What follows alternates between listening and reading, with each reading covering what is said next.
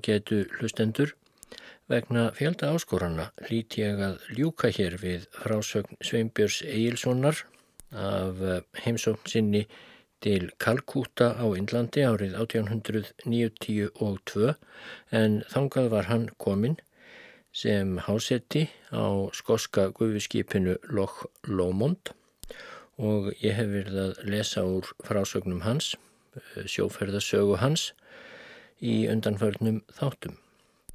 Og þar var komið sögunni að eh, Sveinbjörn var eh, farin út að skemta sér og komin í skemtanakverfið í Kalkúta, þar sem var líf og fjör og hann segir, mér varð starfsínt á eitt parið, var það feitur karl og dama í bestu holdum. Karlinn var í kvítum léreftsfötum með stóran korkhatt á höfðinu. Ég starði á mannin og loks þekkti hann var þar komin Maklín, bátsmaður á Loch Lomond, áður á klan Buchanan.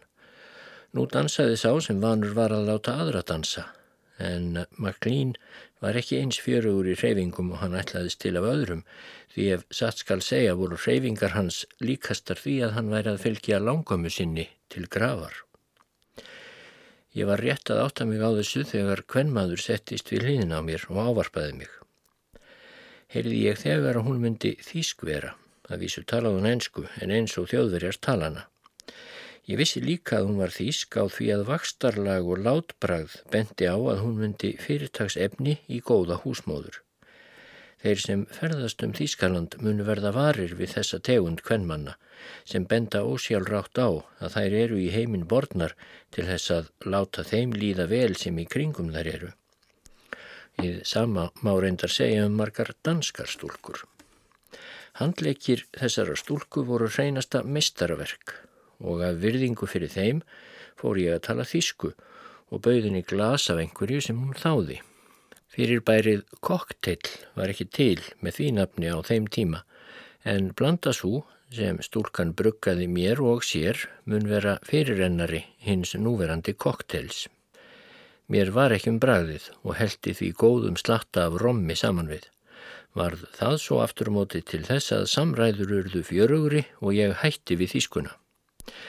Ég var öðru koru að hlusta á hljóðfarasláttin því mér fannst vera enkennilega vel leikið í slíku húsi og þessu en leikið var á forte piano. Stúlkan var farin að segja mér ímislegt um sig og annað fólk í húsinu, bauð ég henni því annað glas af blöndunni en sjálfur ætlaði ég að halda mér við reynd rom. Meðan verið var að blanda hætti hljóðfara sláttur og maðurinn sem leikið hafði reysi upp og gekk í áttina til okkar.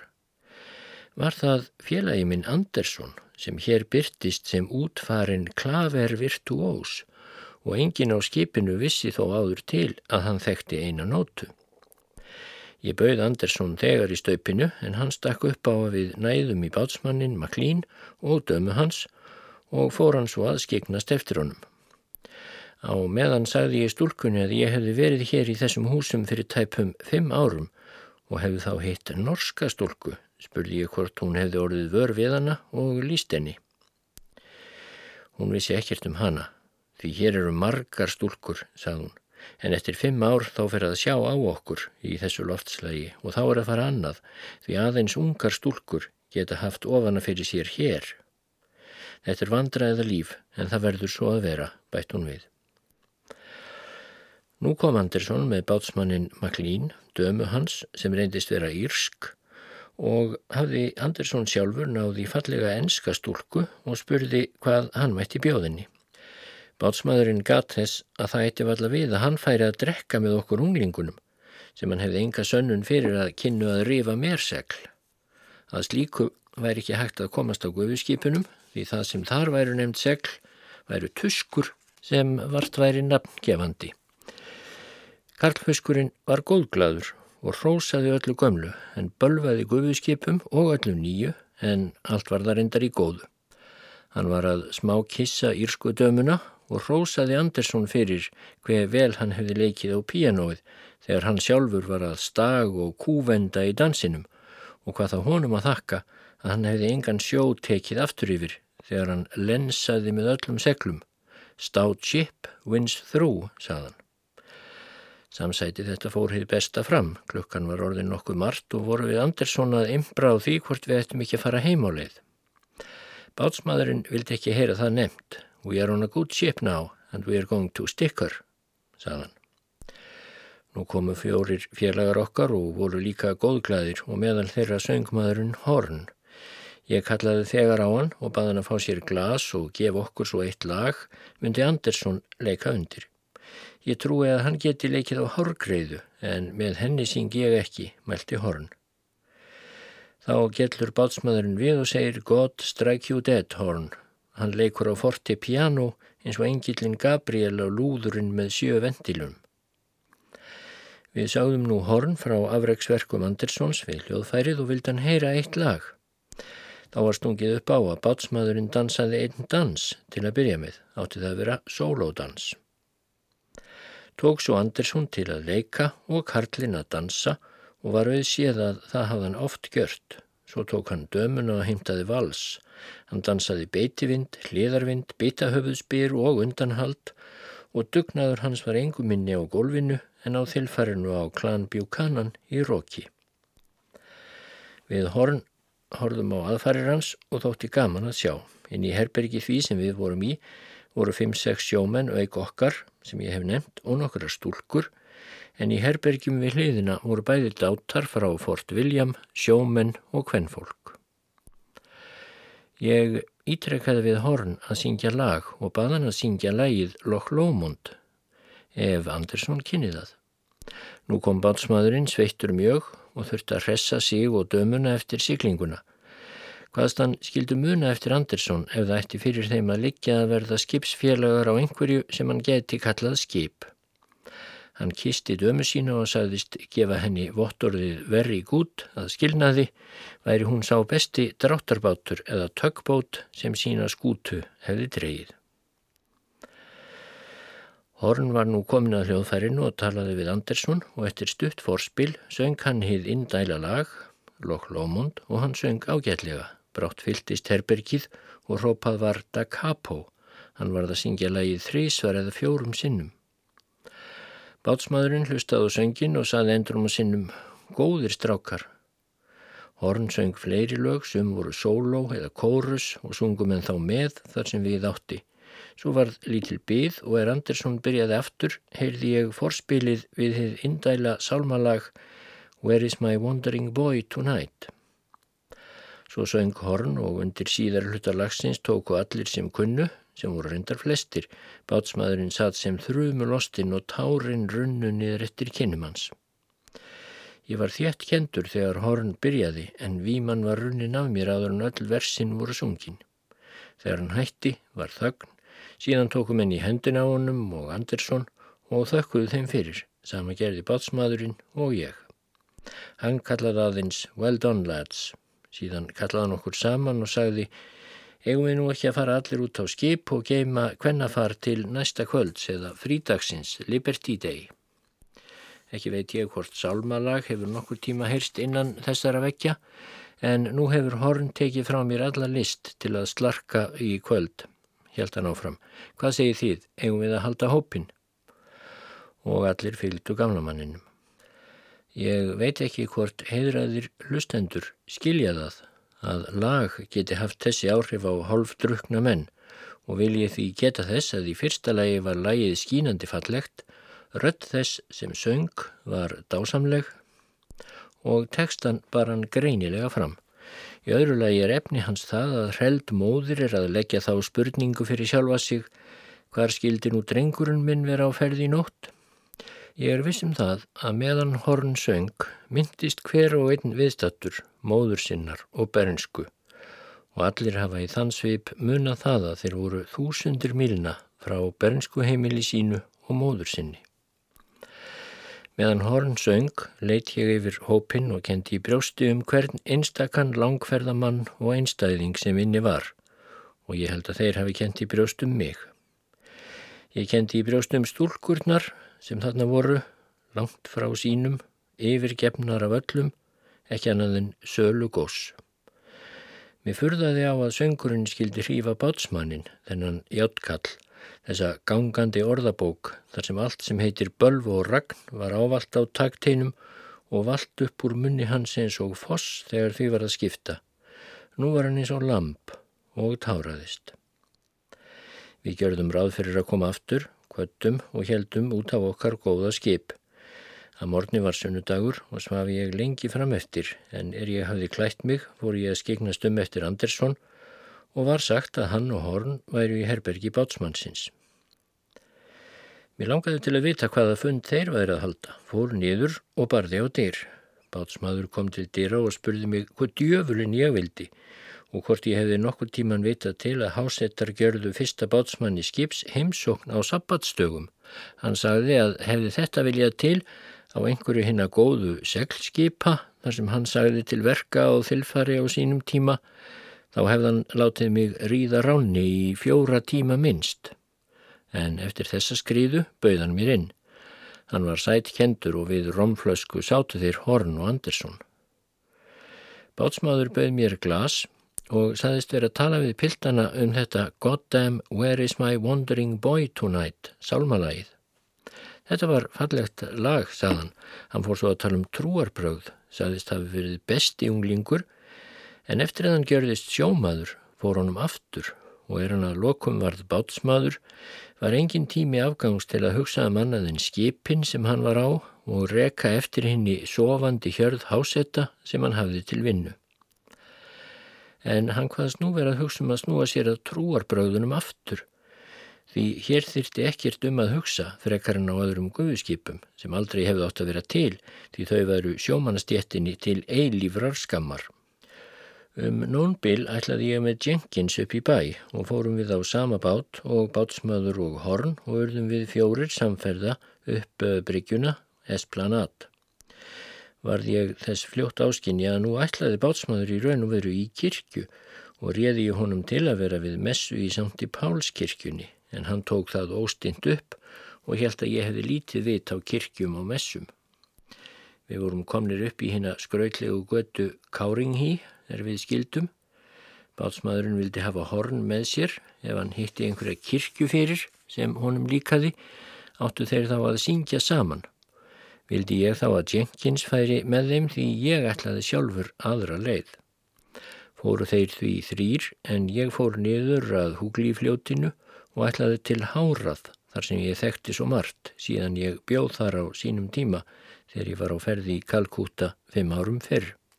Frá Húglíbrunni var góður kippur að húsi Price þar sem ég hafði haldið mikið til þegar ég var þarna á sínum tíma svo ég kallaði á ferjumann og hann flutti mig upp Grand Turk Lane millir hinn að háu pálma sem eru fram með götum og síkjum. Ég kannadist við hvert tré og myndist vinnar míns Barons von Lutitz og þeirra daga þegar við vorum hér að flakka. Ég fór fram hjá gamla kofanum sem stóð rétt hjá húsi Præs, var hann þakkinn kúamikju sem var verið að þurka til eldsneitis eins og fyrir daginn. Þá hitti ég hindúa og spurði hann um Mr. Præs. Me no save inglesi, sahib, það er ég skil ekki ensku herra, var svarið. Ég var búin að sjá stórt skarð í þeim vegnum sem að götunni snýri og fór að litast um og sá þegar að húsið myndi nú í eiði. Ég fór inn, gekk um borðstofuna þar sem Præs ætlaði að gefa gestum skalla ef þeir kvörtuði yfir að matur hans væri ónógur og illa framreittur. Ég fór fram í eldhús þar sem áður berrasaði kokkurinn var að elda og brasa eftir leiðbenningum Præs.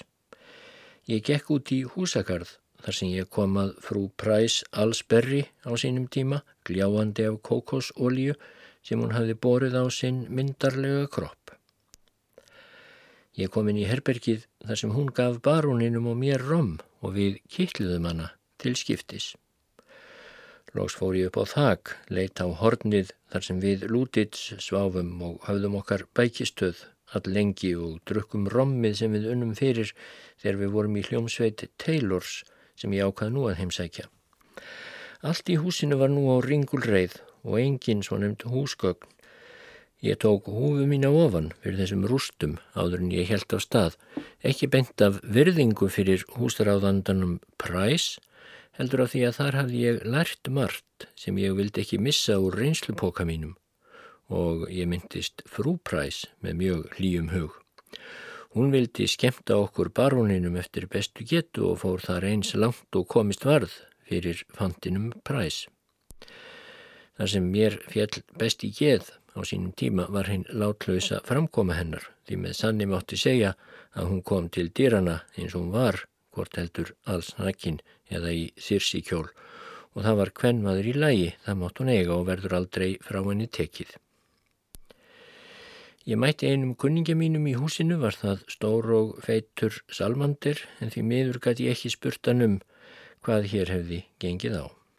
Síðan held ég til líkbrennslu staðarins sem var við hliðin á húsi Bræs og er ég nálgæðist hliðið á því húsi var líkborðinn og eins og ég hefði áður verið að slæpast inn í líkbrennslugarðinum einskatt ég nú fyllt þessum hindúa sem hér átt að brenna, fór þar allt fram að vanda.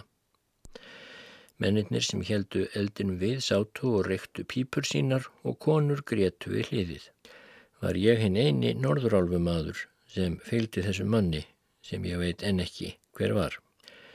Ég fór því næst niður að fljóttinu náði í ferjumann og hann gæti talað ennsku nokkur veginn og hann frætti mig á því að fyrir dveimur árum hefði præs framið ódæði við sjómann og afliðingar orðið þær að ráðist var á húsið allt brotið og bramlað og hann næri drepin. Eftir það kvarf præs með allt sitt hafur task. Nýjar byggingar sá ég við Garden Reach, þar sem ríkir menn búa og voru þar mörg hús í smíðum og mun indælt þar að búa. Um þetta leiti árs er raunar indælt að vera á þessum slóðum. Hittin er ekki mjög mikill á daginn og á kvöldin er mátulega heitt fyrir okkur Norðurlandabúa. Líðan mín var því þennan dag hinn ákjósanlegasta þótt ég færi víða um og hefði mikið að gjöra. Svo fór að líða á daginn og ég var orðin svangur, ræðaði ég því ferðminni í áttina heim og kefti á leiðinni fyrir cirka 10 öyra bananastilk með um 20 ávöxtum. Átti ég af þeim eins og ég gatt og varð gott af.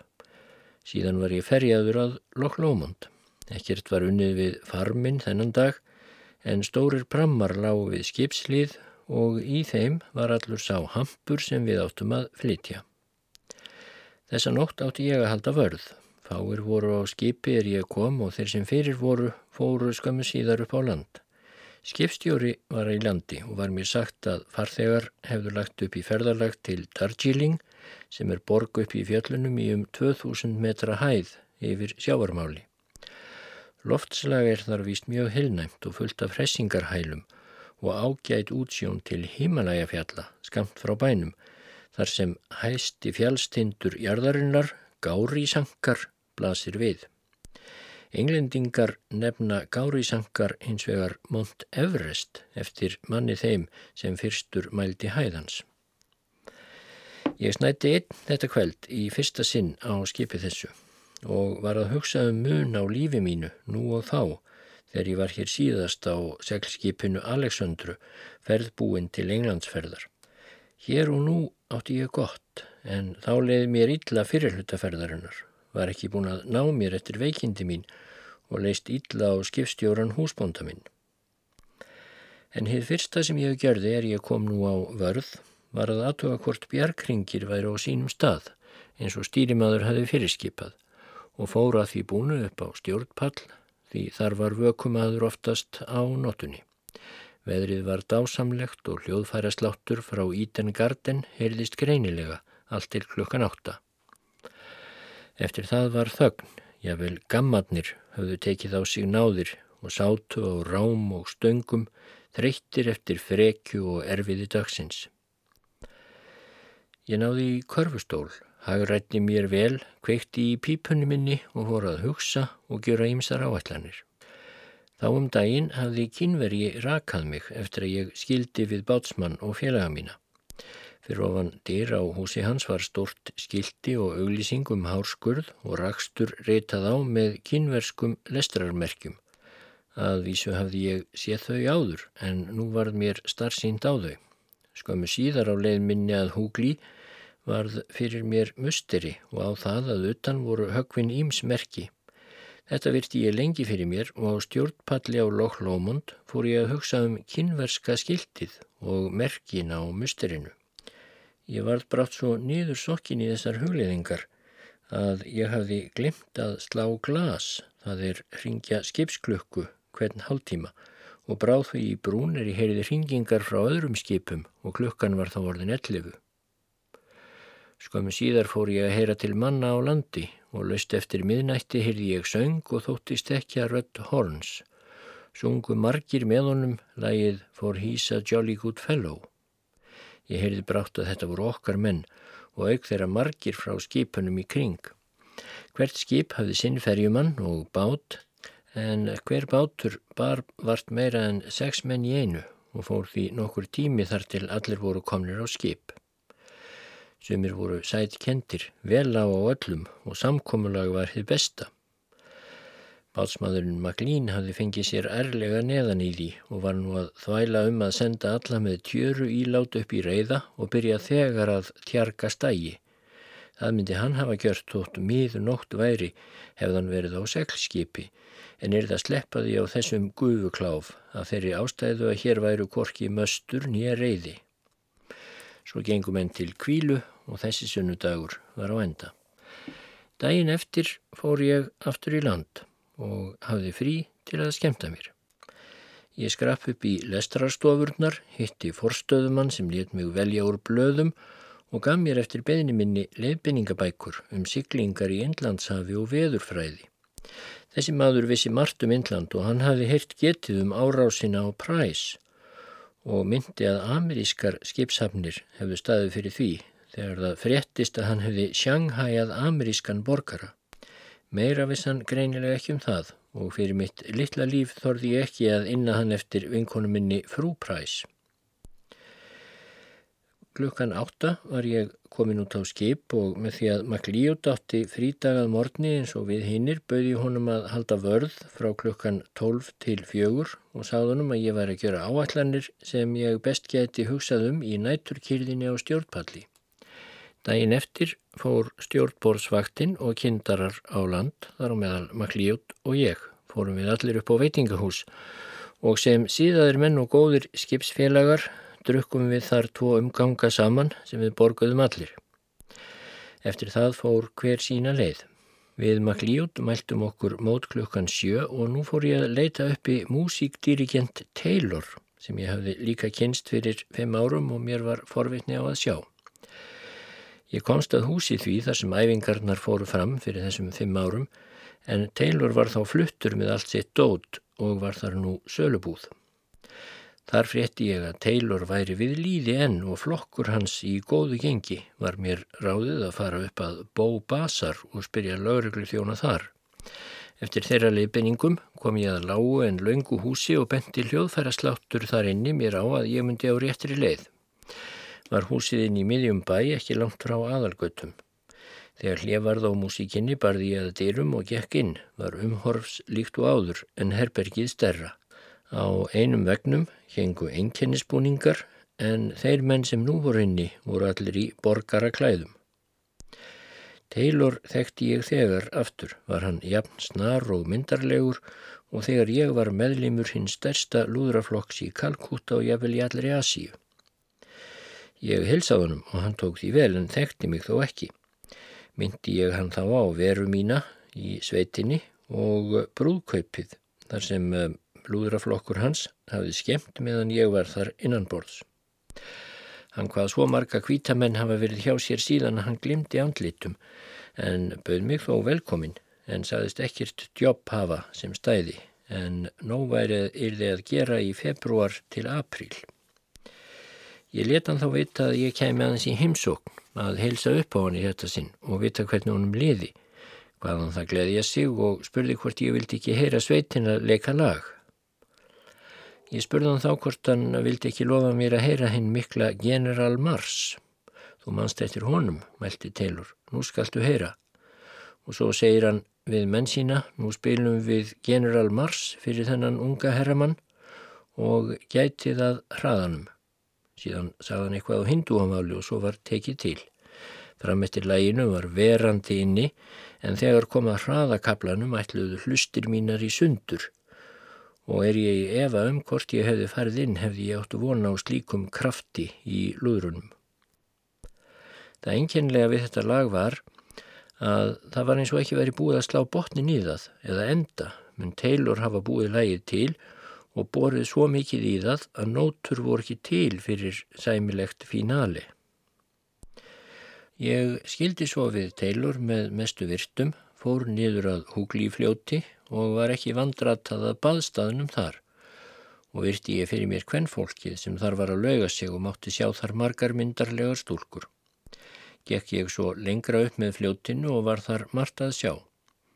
Á einum stað kom ég að hópimanna og voru þar dansmegar að sína list sína. Var fyrir þeim kvennmaður sem var stærri og stæðilegri en þær og stýrði hún dansinum en aðal dansstjóri var kallmaður, nefndur þar sjelimbikar, dreyið af sjelimbi sem var hljóðfæri eða réttar sagt háfaðaverkfæri sem stúlkurnar dönsuðu eftir. Líktist það tveim djúpum steikarpönnum, er önnur úr kopar, hinn úr stáli og framleiða þær mikið háreisti þegar þeim er sleið saman.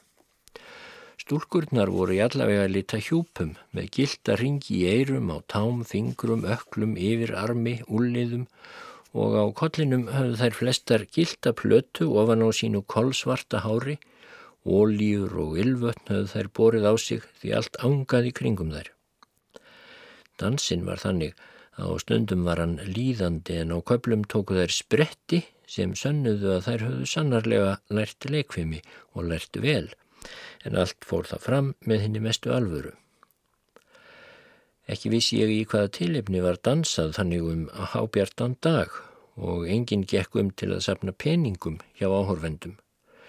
Á leiðminni frá þessum stað kom ég að stóri byggingu sem mun vera mjög gömul en er þannig að fáir munu þeir vera sem ekki staldra við til að fá að virða hana fyrir sér.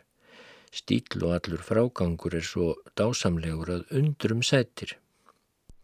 Meðan ég var að virða þetta mistarastikki fyrir mér, namn eldri maður staðar hjá mér og spurði mig hvort mér þætti eigi þessi gamla bygging fögur.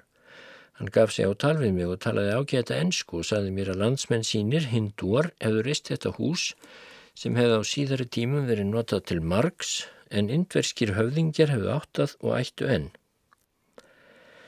Hann spurði mig á hvaða leið ég væri og sagði ég honum að ég væri sjómaður, ætti frí og væri að skoða borgina og ætlaði nú að snúa inn í bæin.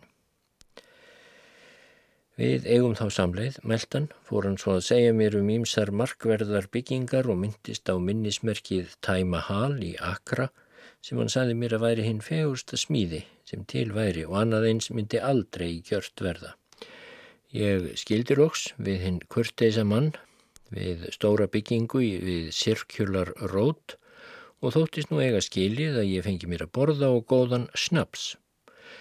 Ég fann brátt matsölustad og baðum karri og hrísgrjón og hollenskan séniver. Að endaðri máltíð held ég áleiðist til Eden Garden því þar hafði ég enn ekki komið. Þar ráfaði ég um nokkra stund og dáðist að þeirri dýrð sem ég hvarvetna leit í þessum indislega gardi. Það var vanið minn þegar ég kom á einhvert stað í útlöndum sem mér þótti sérstaklega fagur að bera hann saman við einhverja staði á Íslandi sem ég þekkti og fór þá vanjulega svo að Ísland vann. Það var eitthvað við blettina þar sem gerðu þá fegur í mínum augum en aðra staði sem ég sá.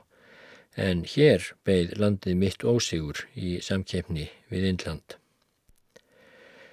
Klukkan var sex er ég komin á veitingahús þar sem ég ætlaði að hitta bátsmannin og ásetti ég mér að býða þar eftir honum og pantaði þegar rom. Fáir voru inni þegar ég kom en brátt voru gestir að koma, sjómenn frá stóru seglskipunum og dáðist ég að því sem oftar hversu myndarleir þeir voru yfir leitt. Meðal þeirra voru að vísu gamlar skrjóður eins og gjörst og gengur því einhver staðar verða þeir líka að vera en sjaldan ber það við að hennir ungumenn síni þeim annað en kurteysi og Guð náði þann óviðkomandi spjátrung sem lefði sér að draga dárað gömlum sjómanni í hópi skipsfélaga hans. Félagarnir vita að hversu sérkynleir sem gamlir sjómenn kunnaði vera þá hafa þeir unnið að því að koma skipum yfir hinn miklu höf og eiga sína ríku hlutdeild í vöruflutningum og viðskiptum landana og hafa verið duglegir menn ungir og þregmenni sem enn þóla hnjaskið þótt sextugir eða sjötugir séu. Í hóp nokkura manna sem inn komu voru tveir gamlir menn, var annar lítill en hinn stór. Sá minni var sætkendur og réð sér eigi fyrir kæti. Hann kallaði sig Yankee Sailor, þar að segja amerískur hásetti og krossbölvaði öllu og öllum.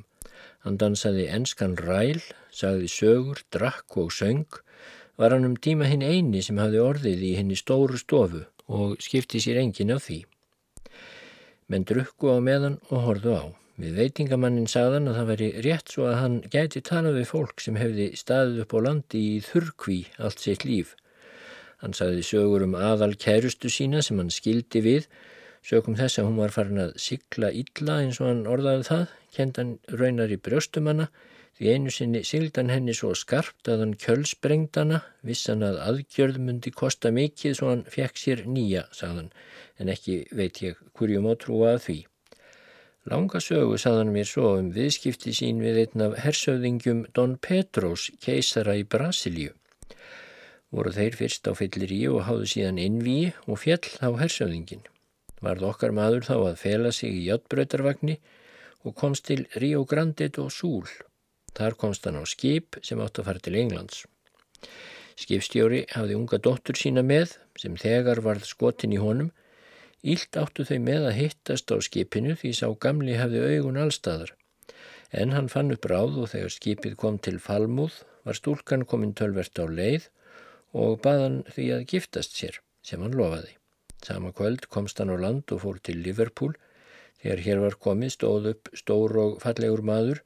Hann sagði hægt og stillilega Nú verður þú að bakka stóra merseklið að öðrum kosti fyrir skip þetta á grunn. Sögum aður leita á kringum sig, steinþagnaði og settist niður. Fórum eins og að tala saman í mesta bróðerni og gamli maðurinn tók þátt í samræðum eins og ekkert hefði í skorist. Skömmu síðar kom Maklíut bátsmaður og fórum við saman á ævintýri og komum út á skip klukkan fjögur næsta morgun. Fyrir klukkan sex voru allir komnir út á skip að tveimur kindurum undan teknum, þeir sást hverki. Vinna okkar þennan dag var fremur lítilfjörleg og bátsmaður var í verstaskapi því auk ergelsis út af skipinu sjálfu og söfnuðunum sem hann nefndi Congregation og hann átti að stjórna, þá þjáðu hann timburmenn og hafði hann auk þess sofið hjá hennum góða dráttarbát sínum írsku dömunni í German Barracks. Svo var hann ítla við að sumir okkar vissu það því mætt höfðum við honum þar um kvöldið. Hann let okkur vita laust fyrir hátdegi að þau 30 ár sem hann hefði verið í siglingum hefðan aldrei séð aðrannins leti klessur og okkur sem nefndum ekki einu sinna að stelast til að kveikja í pípun okkar í vinnutímanum. Um hátdegi komu kindararnir út á skip og voru báðir lastnir og var auðsið að það var ekki uppgerð. Var læknisflaggið þegar dreyið upp og skömmu síðar kom sami læknir og við höfðum áður síð og skoðað þá skipaði hann þegar að undirbúa flutning þeirra á land og klukkan tvö voru þeir sóttir fyrir á General Hospital og áttum við þá fjóra skipverja þar. Hvað gekka þessum síðari veit ég ekki og sá þá aldrei framar, heldur ekki hásettana tvo sem áður hafðu verið fluttir þangað við komuna til Kalkúta. Um kvöldið átt að byrja að kinda undir stórköllum skipsins, því vinnan gekk ágætlega og allt bendi til að farmurinn myndi inni á föstudagskvöld. Skipstjórin Stevens mælti svo fyrir síðar hlutadags að stýrimaður réði tvo hásetta og tvo kindara sem hann vildi að væru malajar eða laskarar. Sömulegðis skipaðan Brittanum að gefa hverjum einasta manni á skipinu góðan skamt af kínín einu sinni á dag þar til skipið væri út á Rómsjó svo við síktumst síðar. Um kvöldið fór ég á land og gekk nýður með fljóttinu til Mætan eða til hverfisins Kitterpúr. Erindi mitt var að skrifa föður mínum bref og vissi ég af lestrastofu þar sem ég bjóst við að fá að vera í næði. Fór þetta allt vel, ég kláraði brefið og ætlaði að halda heim á leiðir, maður stöðaði mig og spurði tíðinda og baði mig að setjast niður og tala við sig. Byrjaði hann þegar á Guðfræði. saðist ganga hér um veitingahúsin í vonum að geta frelsað sálir. Væri hann einn af starfsmönnum hús þessa og hefði starfað víða í borgum á Endlandi. Hann uh, saði mér ímistæmi um óguðuleik manna og dæmdi heiðingja sem hann nefndi svo hart. Svo fór hvor okkar að kenna hinnum og hefði fyrsta sem ég spurðan að var, var hvort hann hefði nokkur tíma verið stattur á skipi í fellibíla á Bengalflóa. Við þeirri spurningu hvað hann nei, en spurði mig hvað ég myndi með því. Ég sáðunum þá að þar hefði ég komist í bestan skilningum að Guð væri til. Miklu betri en hverið mitt og prétikannir manna á borfið hann gáttu veitt mér. Það getu einnig hinn litlu blóm og stóru tré ef okkur væri bent réttilega á að enginn af okkar stóru og miklu mönnum geti gjört við eitt lítið löfblad sem ripnaði af tré eða sett nýtt á í stað þess sem ditti af. Hann væri nú með tíu blad sína bók sem hann vildi gefa mér. Hún inniheldur sögu um drikkjumann sem fór ítla með konu og börn en frelsaðist í tukthúsinu. Þetta vildi hann að væri mitt hver og hún átti að vera mitt leiðarljós á sjónum ef ég tæki við henni en það ætlaði ég sannarlega ekki að gjöra en það sagðun mér ekki neitt. Nú fóru veður að skipast í lofti og maðurinn spurði mig í mestu innleikni hvort ég væri sjálfur missjóner. Ekki svona beint, sagði ég, en annað slagið á ég tal við hín á þessa trúbóða sem gerðnan vilja tala við mig, en það eru sumir paragrafarnir sem okkur kemur ekki saman um, mælti ég. Nú var samkómulega okkar fengið og bauð þessi maður mér að drekka te með sér. Við töluðum svo saman eins og menn en mig undraði hver illa hann var að sér um ímsa þá hluti sem mér virtist sá ekki mega ánvera sem á að leiða sjómenn á réttabraut. Er við skildum vorum við orðnir mestu mátar. Þetta var meðugudagskvöldið á tjóndi november. Um nóttina átti ég að halda vörð og hafði beðið bátsmannin að vera fyrir mig á þilfari til klukkan nýju eftir hátti upp á borgun í sama næsta kvöld og kom ég á tilteknum tíma. Þetta kvöld fóru nokkur á land en bátsmaður var út á skipi. Næsta dag áttu tveir nýjir hásettar að koma til vinnu og var grunnur minn sá að hann væri að undirbúa fagnaræðu sem hann ætlaði að flytja þegar mennirnir kemur á skip. Ég reyðraði um mig í strástólunum og stjórnpalli og horfi á hinnar blíkandi stjörnur og var að reyna að þekkja þær sem ég kannadist við að heiman en það gekk styrt. Einhver halli var á öllu saman sem ég kannadist ekki við en Órión stóð þar þó í allri sinni dýrð og Sirius skipti litum eins og vant var. Kýrð og ró kvíldi yfir öllu aðeins hálftíma hringingarnar á skipunum heyrðust en klukkanum 11 byrjaði konsert hinum eigin við húgli og vissi ég þegar að nú sungu sjakalarnir fyrir utan líkbrennslu staðin í hóra. Samsöngur byrjaði með að einn sjakali söng sóló, var það sóló bæði langt og ljótt en skára til að heyra í tvekja kílometra fjarlagð en í 500 metra fjarlagð eins og ég hafði heyrtað frá húsþæki Præs á sínum tíma. Því næst sungu sjakalarnir saman, allir sem einn, svo aftur sóló, öskur, ylfur, spangól og á þessu gekk til klukkan fjögur um morgunin. Ég var að hlusta eftir hvort nokkur regla væri á sögnum en þar virtist allt sungið í einum graut. Þó bara einna mest á sóló einhvers brennivins bassa, hann var sterkur og riðgaður, gískaði á að þar færi gamal forsöngvari sem vildi sína að hann væri enn ekki dottin úr sögunni hjá þeim sjakölum. Ég skemmti mér förðu vel við þetta, reykti margar pípur og skildi meðferð á efni og söng líkt og almenningur skilur langar og miklar óperur í leikhúsunum í fyrsta og annað skipti sem menn heyra þær. Það hafði ég sjálfur reynd en munur var þó sá að hér gæti ég þagað en í leikhúsinu var ég alltaf að segja við einhvern mikið er þetta fallegt og mestarlega leikið svona til að ég síndist maður með mönnum, en skilningur var sá sami og hér, bæði sjakalarnir og kunstnerarnir gjörðu eins vel og þeir gátu og meira vissi ég ekki. Gammarnir í reyðanum fóru vanalega rumska klukkan fimm á mótnana og voru bestu vekjaraklukkur. Skildi manni verða þá að blunda á vaktinni. Enda mun það sjaldan henda í Kalkúta að vökkumadur get ekki vakið kokkin klukkan hálf sex. Þennan morgun voru gammarnir snemma á ferli og tók ég þá eftir að nokkrir þeirra flögruðu við skipsliðina en sögum þess að eigi var enn bjart af degi sá ég ekki hvaða var sérstaklega sem vakti eftirtekt þeirra. Ég leitlóks út fyrir borstokk og heyrði til nokkura við skipsliðina en sá ekki hvaður gjörðu þar svo ég batt snæri við lukt sem ávalt var til taks á nóttunni, rendi henni niður á vatninu og sá þá að lík hindúa eins hafði stöðvast við skipstígan og á líkinu sátu nokkur gammar og tóguðust á um innýblinn sem þeir voru búin að rýfa upp úr maganum.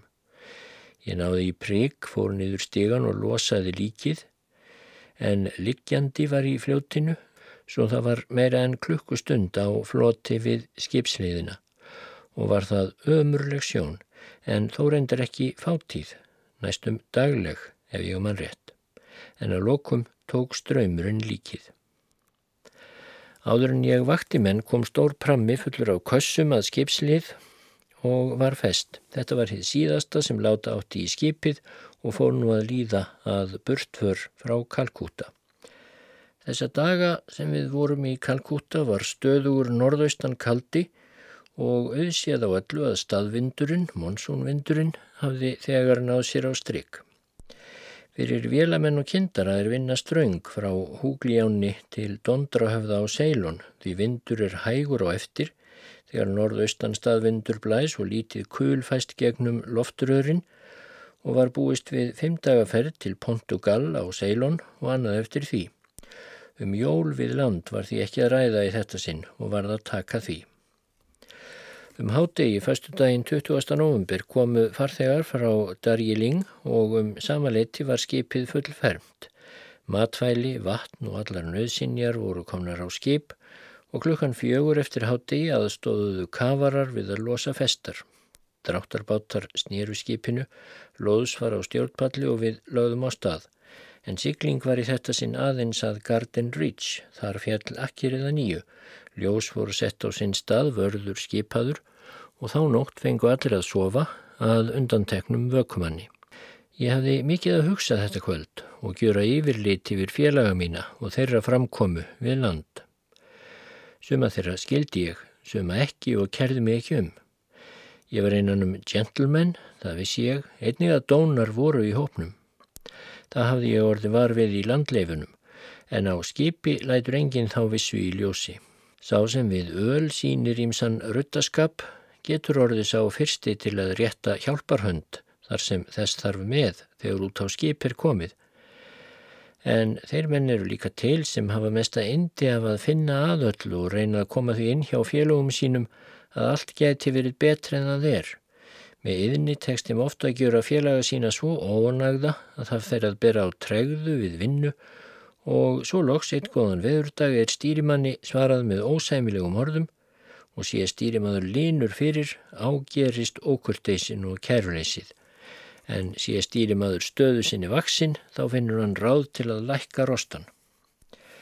Á Lóklómond voru þrýri eða réttar sagt fjórir menn sem í frístundum sínum lögðu stund á að gjöra félaga sína jafn óanægða með lífið og þeir voru sjálfur. Þeir fundu að öllu og prétikuðu alla daga og allar stundir og koma því að það fóru að verka á félagana. Þrýr af þeim voru aðalspröyturnar en sá fjörði átti að taka menn á eindal og sína bróður kærleik, benda á galla og útskýra betur vandræðin ef menn væri seinir að grýpa eða ofseinir. En hann helt aldrei ræður, hann var einfallega of heimskur til þess. Á okkur fjóra félagana sem höfðum fasta vinnu við að stýra skipinu og herbergi útaf fyrir okkur þess vegna verkaði þetta ekki, því við komum mjög sjaldan í hásettaklefan. En þetta var fljótt farið að verka á Jenkins og áhrifin komu fram þegar hann málaði á járnskiljuna í farmrúmi Loch Lomond, Home of Starvation. Þetta var fyrsta merkið en við vissum ekki þá af hverju óanægi hans stafaði. Fyrir alla sem vildu láta það vera svo, þá var Loch Lomond besta skip á vera þar og fæðið gott. Um þetta var ég að hugsa áður en ég sopnaði, en grunaði þá ekki hver fljótt stýrimaður Andersson gæt læknað sjúkdóm þennan í hásettakleifanum. Klukkan sjö lögurdags morgunin 21. november byrjaði vinna. Akkeri var létt og við heldum á stað nýður fljótið. Klukkan hálf sex um kvöldið fórum við fram hjá einni ságor, heldum út kvísluna og vorum komnir yfir grinningarnar sem eru fyrir framann minni gangesfljóts og brama pútra. Klukkan löst fyrir tíu var skip okkar stöðvað, skamt frá loðskipi eða pælótbrygg. Bátur kom frá því og sótti loðsinn Hveðjumerki var gefið með einpípunni og telegrafinn settur á full speed ahead. Ferðin heim var hafinn.